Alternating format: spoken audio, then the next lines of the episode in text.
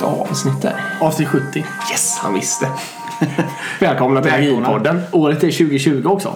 Just det. Det är första avsnittet för i år. Vi har redan släppt ett avsnitt men det var en livepodd från förra året. Så nu är vi tillbaka med 2020 här.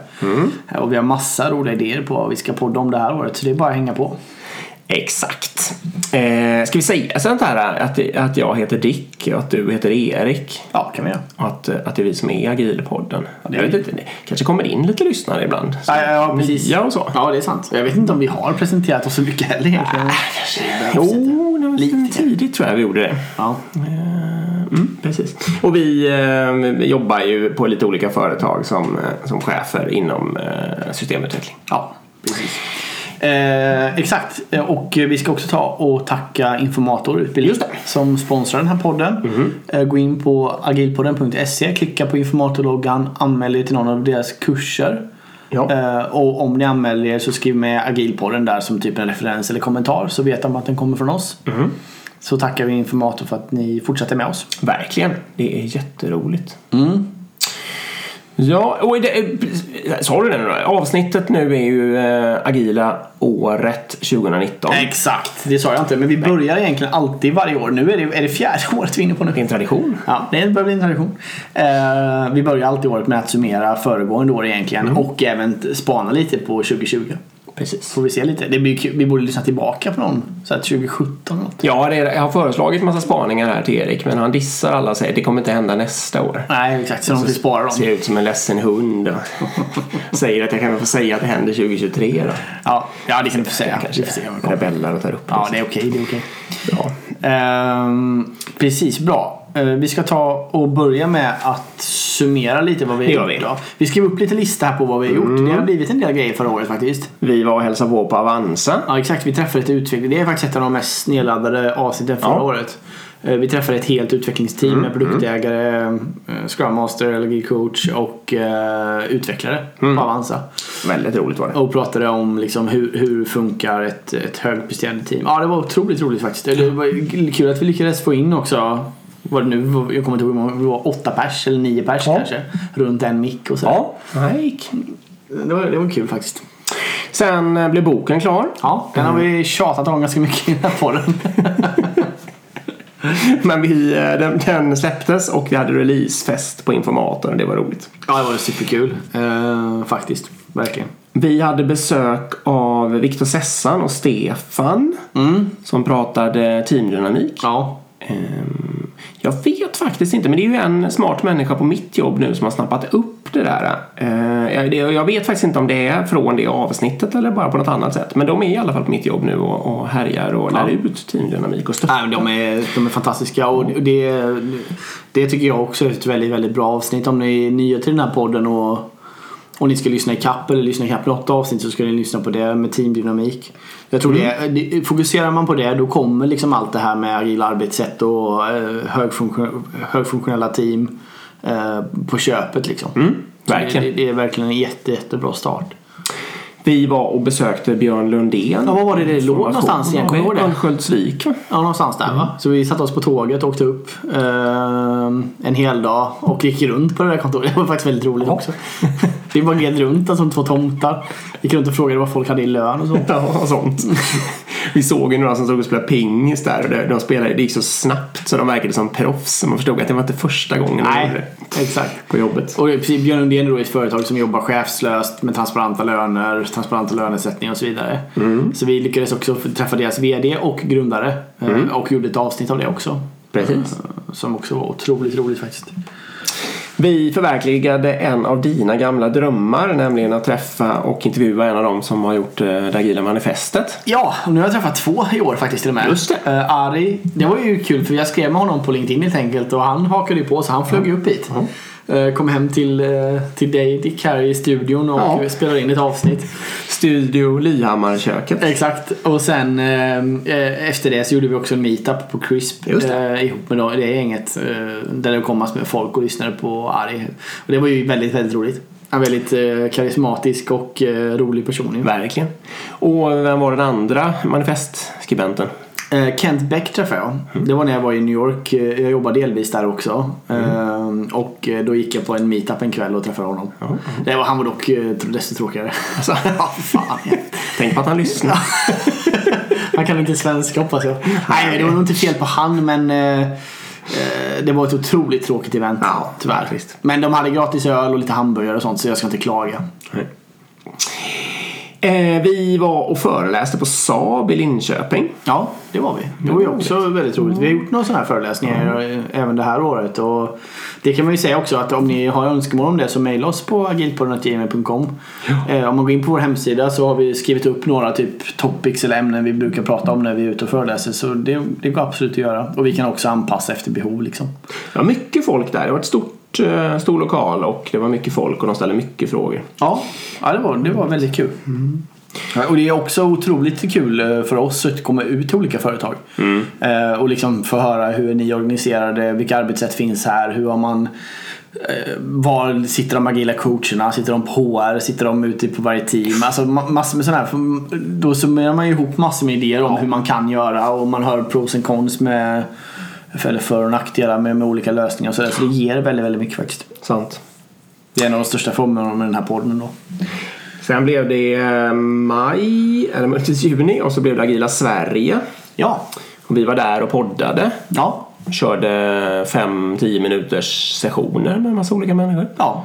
Det var kul. Det var Ja. kul och inspirerande att vara där. Jättemånga bra blixttal. Ja, verkligen. Och vi kommer eh, antagligen försöka vara där i år igen. Mest troligen.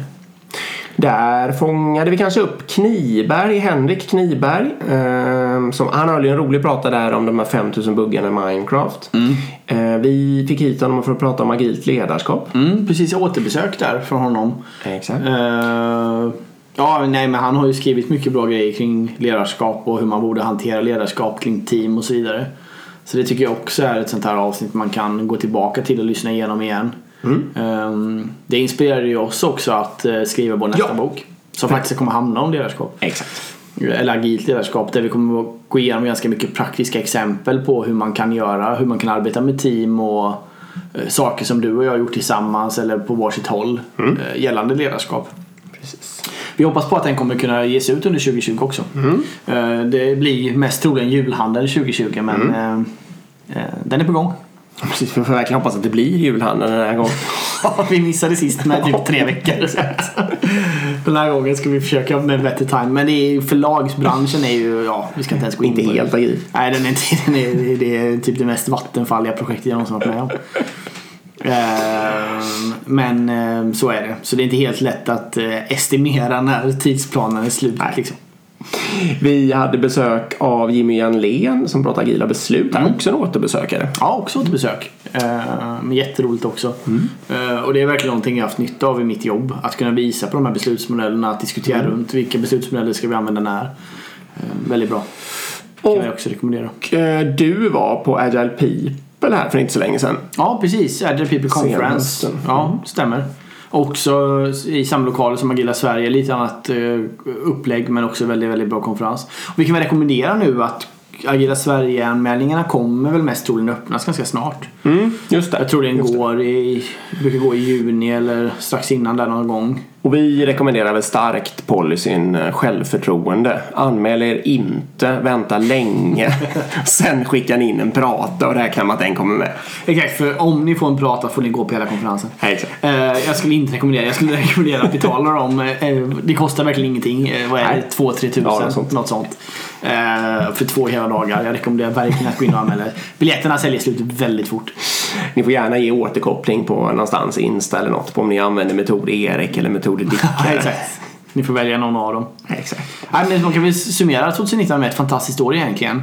Eh, Verkligen. jättekul eh, att få liksom träffa alla vi har träffat och att få fortsätta göra den här podden. Agila Sverige är också ett roligt ställe att träffa oss på. Vi kommer ju vara där eh, och Ja. det, det, vi blir jätteglada om man kommer fram och pratar. Det är många som brukar göra det. Ja, verkligen. Det uppmanar vi till. Ja, ser du några roliga saker som har hänt under året? Några trender? Här ska jag börja. Nej, men börjar du. Jag ser, eh, den går lite åt båda håll, men jag ser nog ändå en trend i agil misstolkning. Eh, och det, den har lite olika... Att det sker, eller att det inte sker? Att det sker. Ja, okej. Det fortfarande sker. Att det kanske är lite ökande eller att det blir lite mer raffinerat eller vad man nu ska säga. Mm. Och då menar jag så här, eh, det finns lite olika genrer eller lite olika varianter här av agil misstolkning och omdöpning är väl kanske det mest banala då som Alltså att man byter ut, man byter eh, någon gammal projektledare eller förvaltningsledare heter helt plötsligt Scrum Master. Och eller agil projektledare. Och de här, eh, eller agil projektledare. Och de här eh, projektinkrementen som slutar med en beslutspunkt heter helt plötsligt sprintar. Fast att de inte, de levererar inget värde och, och massa sådana där saker. Eh, och det känner jag är liksom lite Ja, det är väl lika bra att bre på här. Det är Ja, ja. dö- dödsryckningarna i mycket gammaldags tankesätt och, och kultur. Liksom. Att man försöker att rädda sig då genom att göra sådana här omdöpningar och så vidare. Jo men precis, till med, alltså projektmodellerna blir agila, uh, ITIL-modellerna blir agila och Ja. så vidare och så vidare. Va? Ehm, och det, och det, man, det man gör är ju bara att man lägger in lite agila termer och försöker på något sätt, liksom, som du säger, lägga in långa beslutspunkter och kalla det för sprintar eller iterationer eller någonting. Liksom. Eh, Fast det kanske inte är det liksom. Ja men precis. Ehm, och det, du hade ju en rolig här, eh, eh, eh, en, en rolig fyrbokstavsförkortning här om eh, ramverket Fate. Ja, Som eh, faktiskt. man kan låta sig inspireras av om man vill vara med i de här dödsryckningarna. Ja, den var väldigt rolig. Eh, Fake Agile. Precis, den heter eh, FATE som står för Fake Agile Transformation Enterprise. Just det. Och Den är då eh, på tre nivåer. Den är på company level, program level och på team level. Känns kanske igen från någon annan Ja, fyrbokstavsförkortning. det skulle det kunna göra. Det behöver vi inte gå in på. Då är det då så att på, på självaste company-nivån då, då är det mycket att man ska ha managers, man ska ha master, scrum, masters of masters. Man ska ha product owner, owner, owner. Och really important architect. Kristalarkitekter. Ja. Vem var det som sa det? Eh, Grape tror jag. Grap var det. Sen så ska man då blanda work med waste. Eh, man kan ha enterprise buzzword bingo. Som supply chain, portfolio, strategy, budget och KPIs. Eh, väldigt roligt. Och på programnivå då. Det här är en bild som ni kan gå in och kolla på Instagram. Oj, men då måste man scrolla en bit. eh. Jag kan lägga upp den igen. Sen då så har man eh, massor med mer buzzwords om man har meetings och managers get promotions och så vidare. Sen har man då eh, lite värdeord här va. Ja, Och då är det higher overpriced consultants. ja. Trust in plans. Think like before. Och continue do the same trash that never worked. Nej, den är fantastisk. Eh, ja, den är väldigt, väldigt rolig. Uh, vi kan rekommendera att man går in och tittar på den. Man ska också set up som useless metrics. Och overload your developers with useless work. Mycket, mycket bra. Ja, så är det. Jag känner nog ändå att min, alltså, min slutspaning lite på det här med agil misstolkning är ändå att jag ändå inte tagit över. Alltså jag tycker att de goda krafterna eh, dominerar nog fortfarande. Eller att det i alla fall finns en balans. Att det händer väldigt mycket bra agila grejer. Så det är ingen... Eh, jag vill bara vara tydlig på det att det är ingen nattsatt eh, liksom, spaning det här. Nej. Och min fortsättningsspaning på det är nog lite att ehm, det är smart, om man vill göra en sån här samhällsförändring eller en sån här eh, kulturresegrej så är det otroligt smart att formulera det som principer och värden. Eh, för det leder kanske lite till att, alltså om man formulerar det med mer detaljer då blir livslängden kortare och det finns mycket större möjligheter att förstöra det hela och hamna i återvändsgränder. Men om man lyckas formulera det hela som fyra värden och tolv principer så, kan, så liksom, då kan det leva vidare och överleva sina första metoder och sina misstolkningar och, och så vidare. Och så vidare. Ja, det är mycket större sannolikhet i alla fall. Men Jag håller med. Med, när vi nämner misstolkning också så måste vi komma in på Spotify eh, också. Eh, just att det är många som Den lever vidare. Ja, precis. Och vi, vi har sagt det innan men det är värt att återupprepa. Det som Spotify gjorde egentligen var ju att när de skapade sin organisation så ville de inte kalla sina team för team. De ville inte kalla sina liksom, grupper för grupper eller sektioner för sektioner Nej. och så vidare. Eller avdelning för avdelning. Och, och så vidare. Utan det handlar ju om att mm, om jag säger nu ska du ingå i mitt team här. Då har du redan en, en eh, föreställning eller en bild av vad ett team är. Ehm, så därför vill man ha nya ord och då valde man till exempel Squad och Tribe och så vidare då. Squad det är motsvarigheten till team. Men Squad har ju kanske man inte någon, någon koppling till utan då kan man själva definiera vad är en Squad liksom. Då. Då ja, precis. Väldigt viktig detalj.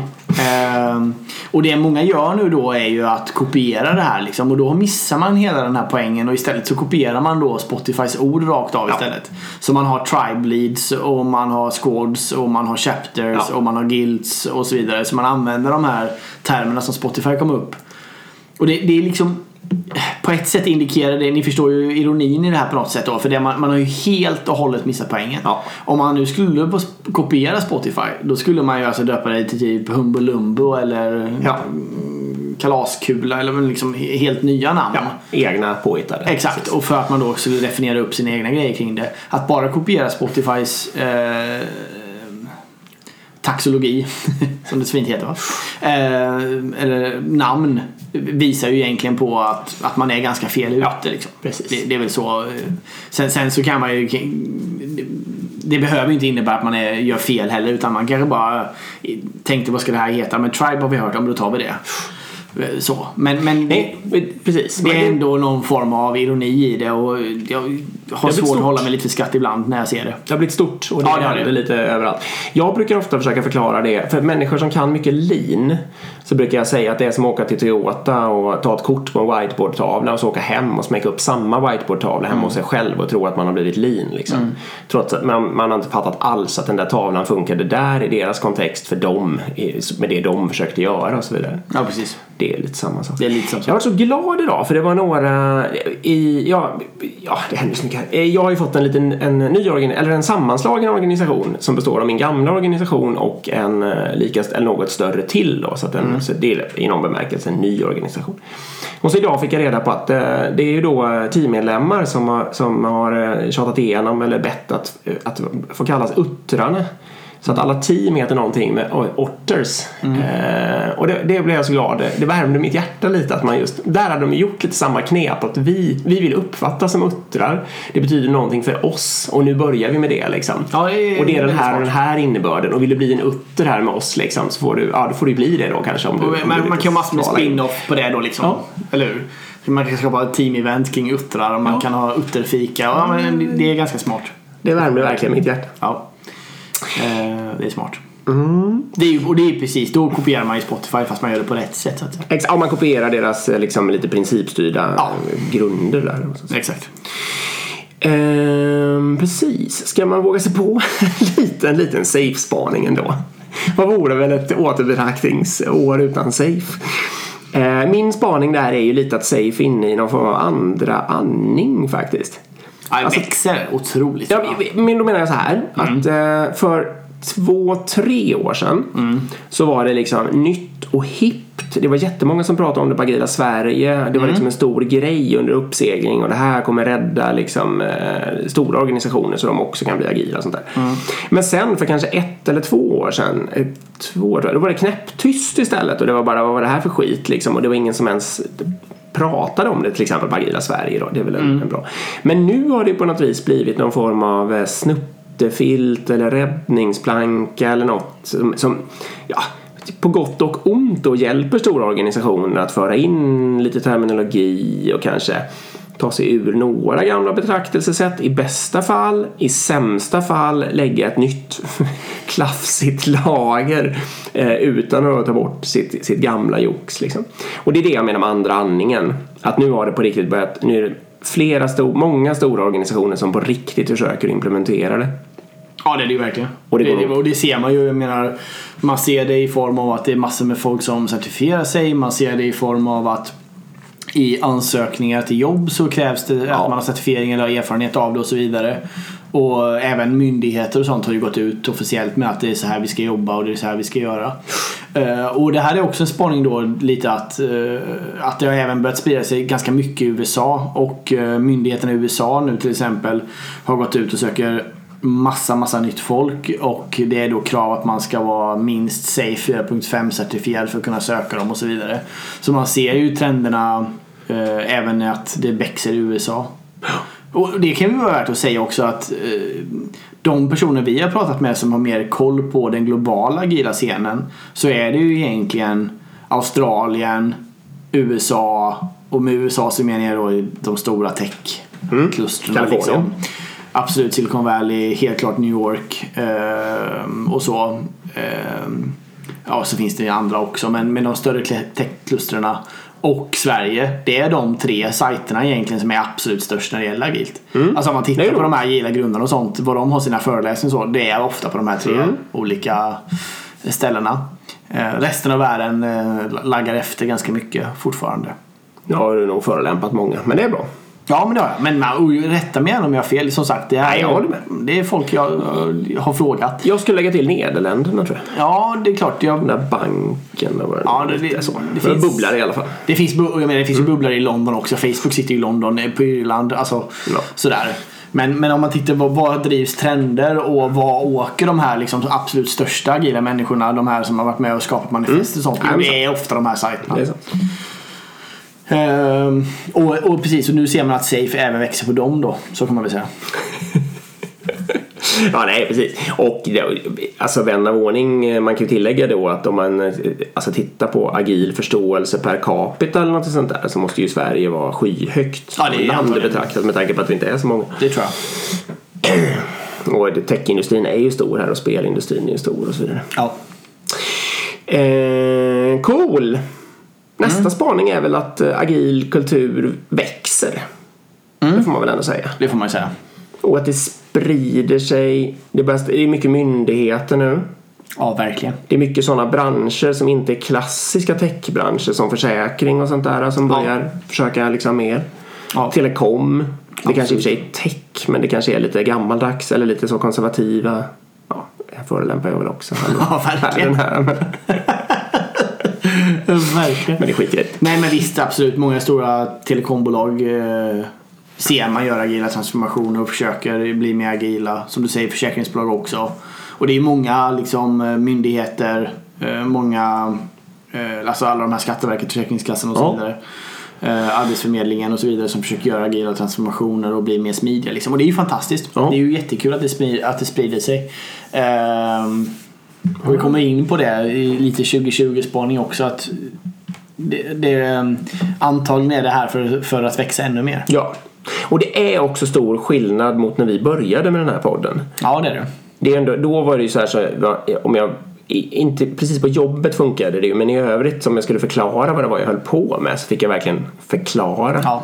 Och nu är det ju mera, jaha vad intressant liksom, en ja. podd om agilt. Var hittar jag den? Alltså, lite så. Ja, jag håller med. Vi började ju 2016 så vi var ju inte supertidiga heller men det är ändå som sagt snart fyra eller tre, fyra år sedan.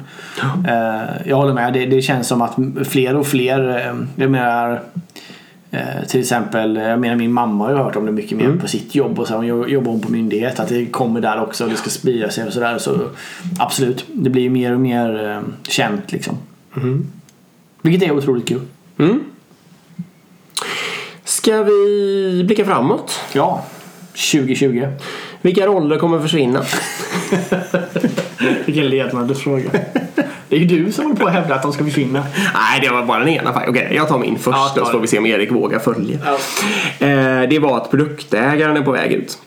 Eh, och det är väl en sån där, det är väl ett typ bra exempel på en sån spaning som inte är sann för 2020 kanske. Och det finns massa lägen där man verkligen vill föra in produktägare. Men min spaning här är väl lite att det långsiktiga eh, lösningen på det med att bestämma vad som ska göras och samla in behoven. Det är nog inte att hålla sig med en produktägare per team.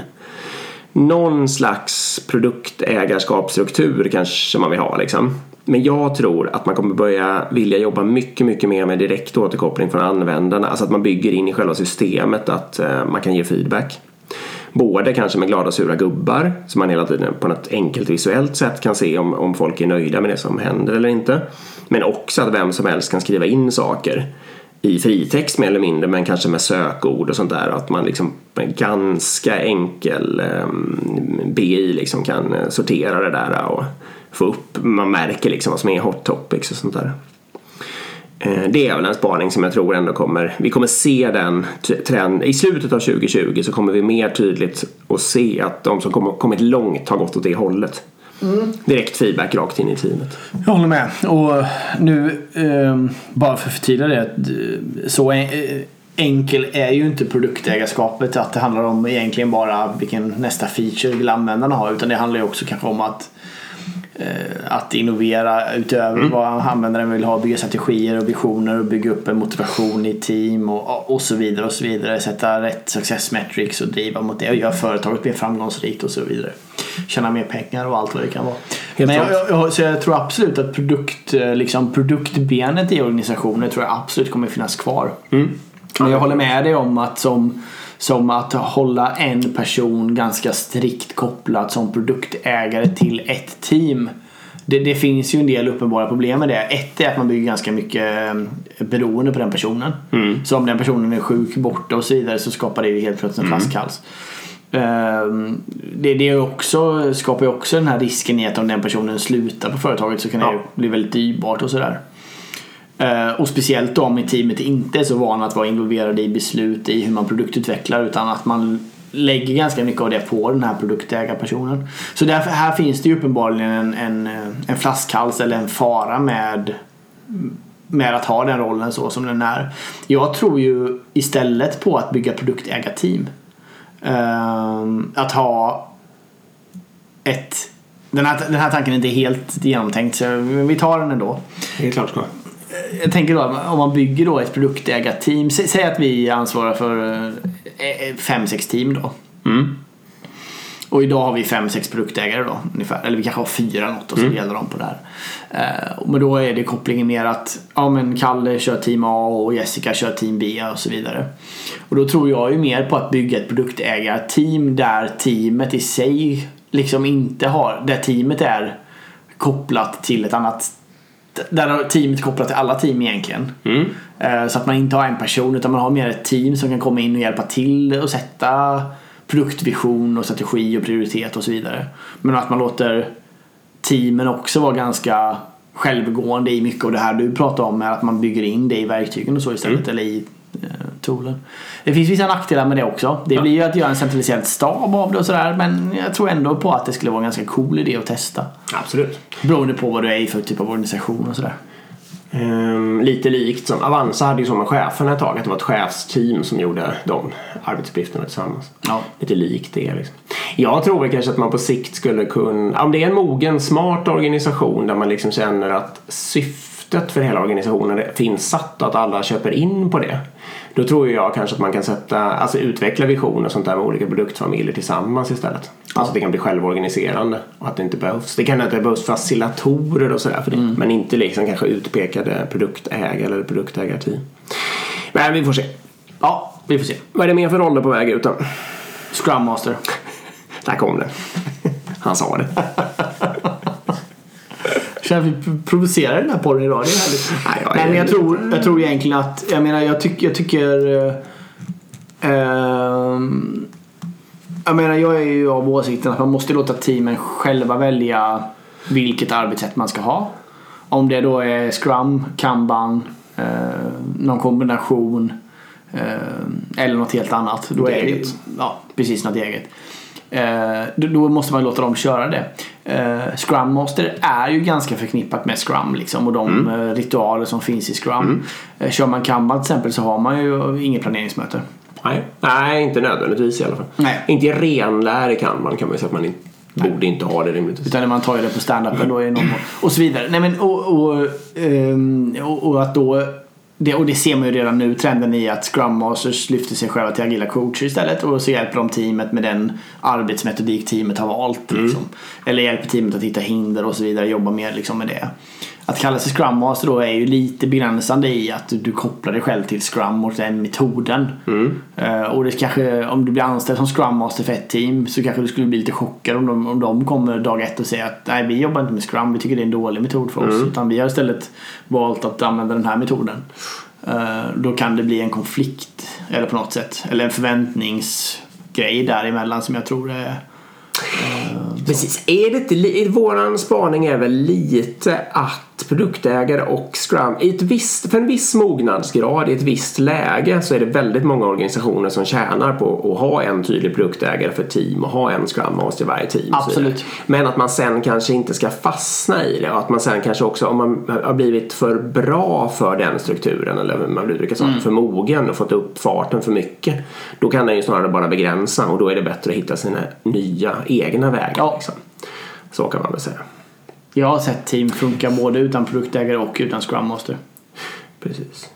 Eh, jag hade en, en eh, tanke när du satt och pratade om produktägare också att det är få team där man skulle känna att det var fiffigt liksom att ha en allvetande backend-utvecklare som gjorde all backend-utveckling, tog alla beslut och, och så vidare. Och så vidare.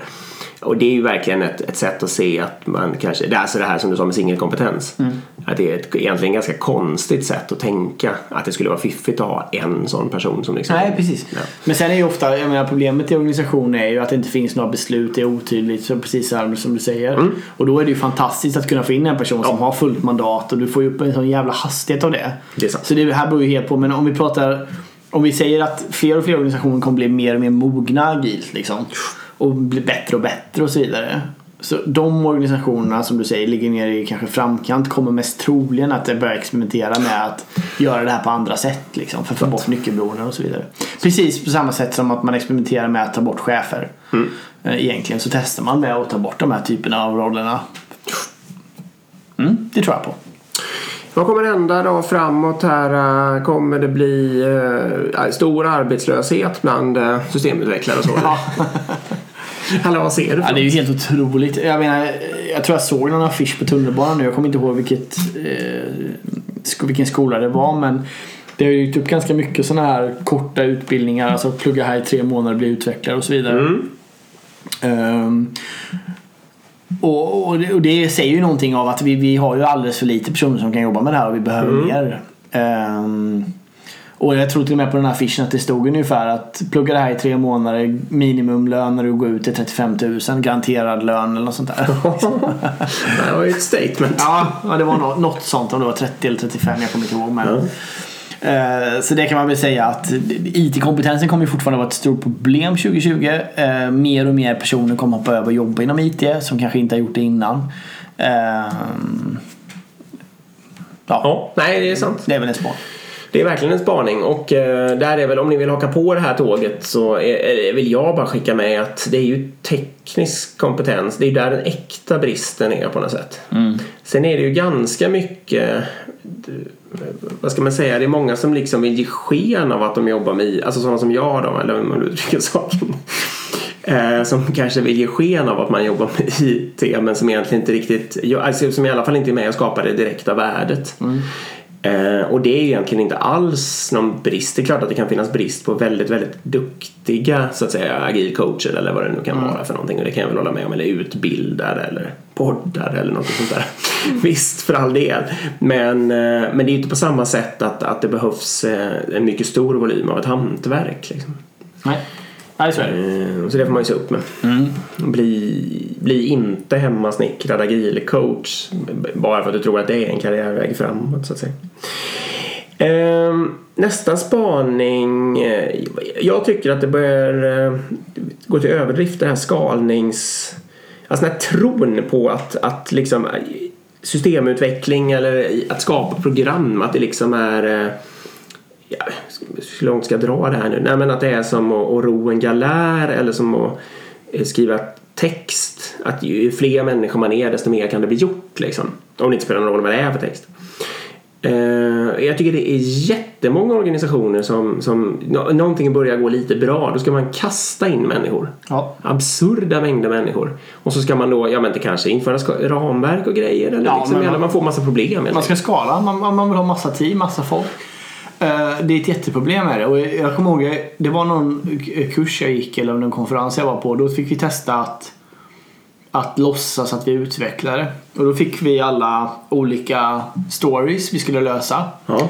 Eh, och så fick vi alla eh, Google Docs liksom. Och så var vi team på kanske fem personer eller Ja. tre personer. Fyra, fem personer. Något sånt där. Ett utvecklingsteam. Och sen så skrev alla då lösningen på den här historien för sig själva liksom, i det här samma Google Docset. Liksom. Ja. Som att vi var i samma kodbas. Ja.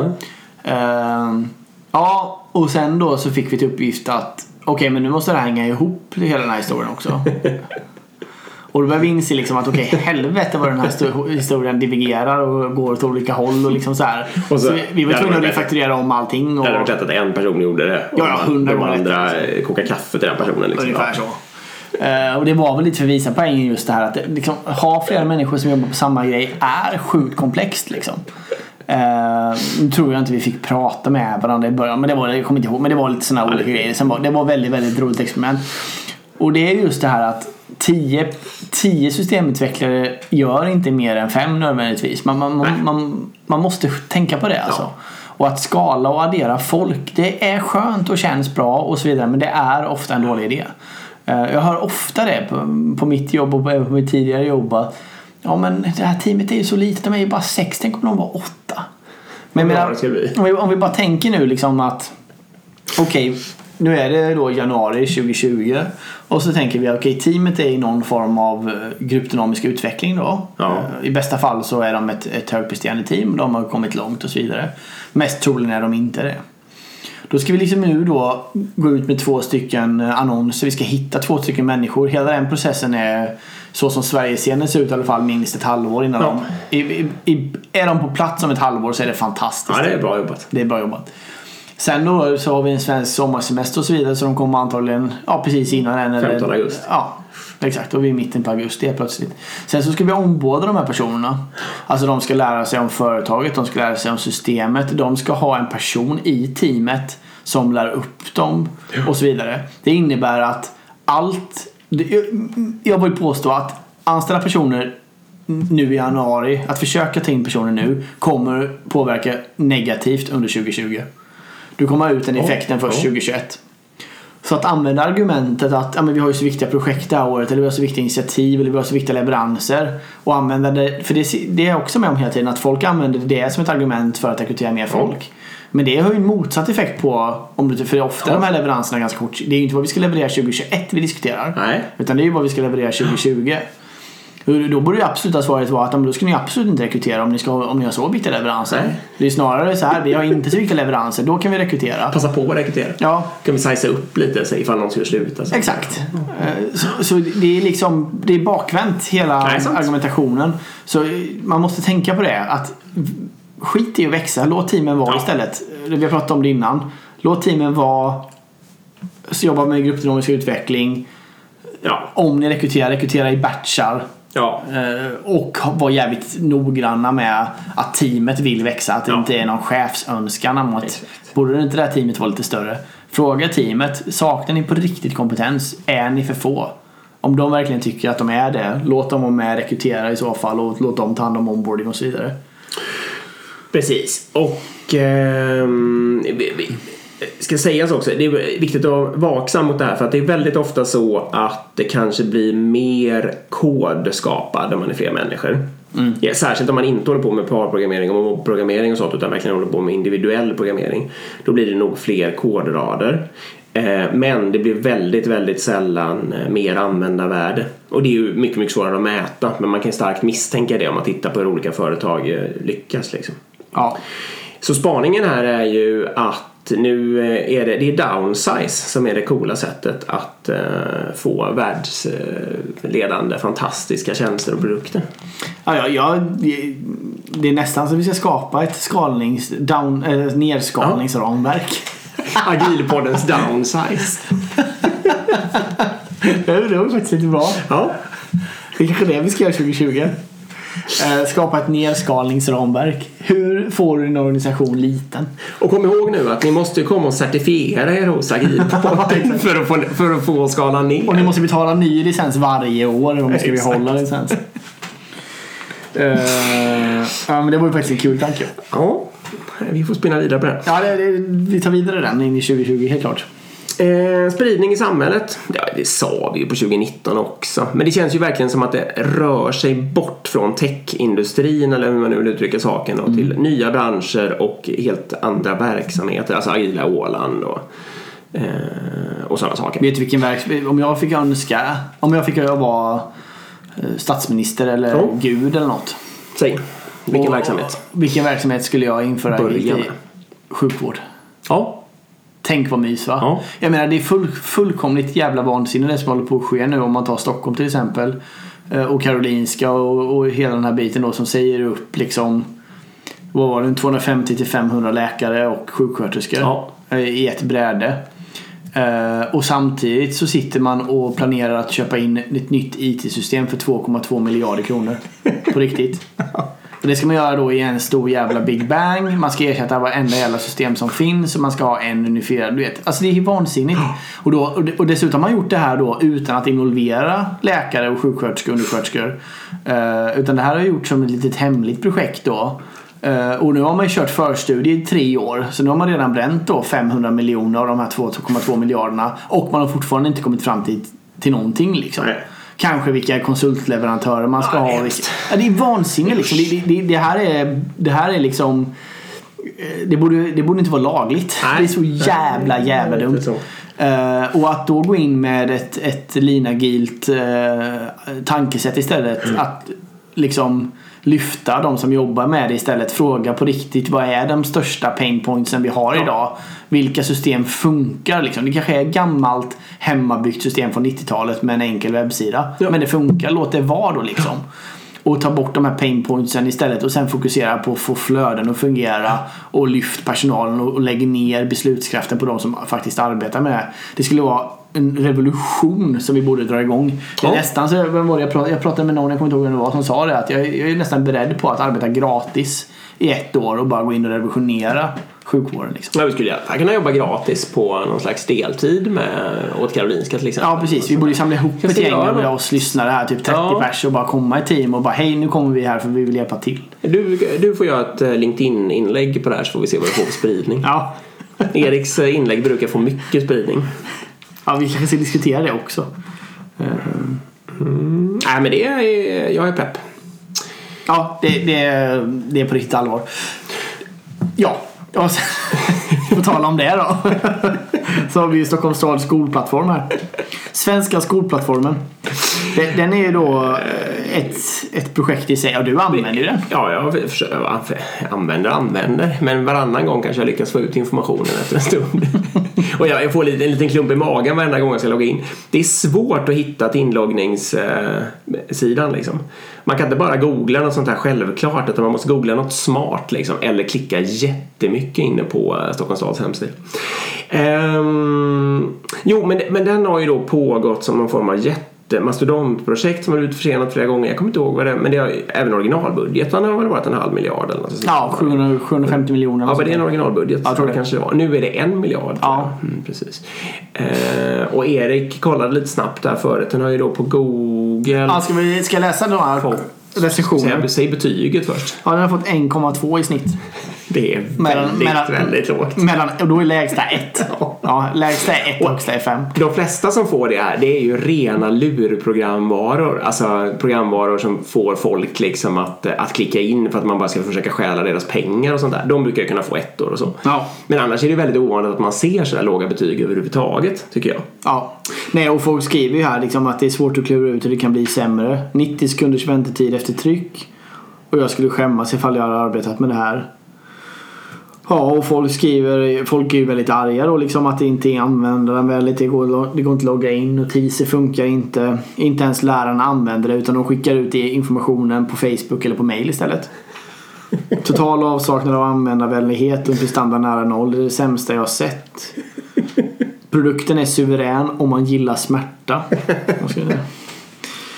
Och jag menar, det här har, vi, det här har alltså Sverige då lagt en miljard kronor på. Att Stockholms stad ska ha en skolplattform. Det är något så fruktansvärt jävla Ja, det är, också, det, är, det är lite som du sa förut. Det borde inte vara lagligt. Nej, det borde inte vara det. Det, det, är liksom, det, det är så vansinnigt som man inte tror att det är sant. Liksom. Eh, och nu har de skapat ett system som är helt oanvändbart för en miljard kronor. Det är bra jobbat. Nej, det är hemskt. Så Så slutklämmen där är väl att eh, vi behöver en agil kultur även där. Ja, det känns ju så. Där hade man ju kanske med, jag vet inte, med 5 miljoner eller 10 miljoner eller sånt där. Alltså någon procent av det där hade man ju lätt kunnat få till ett riktigt vasst system skulle jag Mest troligen. Mest troligen. ja. Ett team. Ett år. exakt. Så hade det varit klart. Exakt. Om ens det hade behövts. Nej, precis. Och sen så kan man ju lägga ner den där Karolinska grejen också. Så har vi sparat starten till 3,2 miljoner. Miljarder. ja, miljarder, exakt. Och det är ja, 3,5 miljarder till. Eller 3,4. Ja, okej. Nog om rantande om slöseri med skattepengar. Ja. Men man kan ju säga att det finns ju liksom potential för den agila scenen att äntra även den biten. Verkligen. Det gör det verkligen, verkligen. Cool! Ja, vi mig där. Ja, Ja. jag med. Vi ska säga så här att vill ni oss någonting så agilpodden.gmail.com Ja. Maila gärna frågor. Eh, vi tar gärna, jättegärna in lyssnarfrågor. Vi kan, eh, ni kan vara anonyma och så vidare. Eh, men ta gärna in lyssnarfrågor som vi kan bolla i podden. Kom med förslag på ämnen. Vill ni boka oss som föreläsare? Vad som helst, hör av er. Köp gärna vår bok. Den heter Agile for Business. Så finns där böcker finns. Mm. Och så får ni ha ett bra 2020 så kommer vi höras framöver. Precis. Tack till Informator för att ni är med oss och gör podden möjlig. Tack till alla som lyssnar. Hej! Hej då!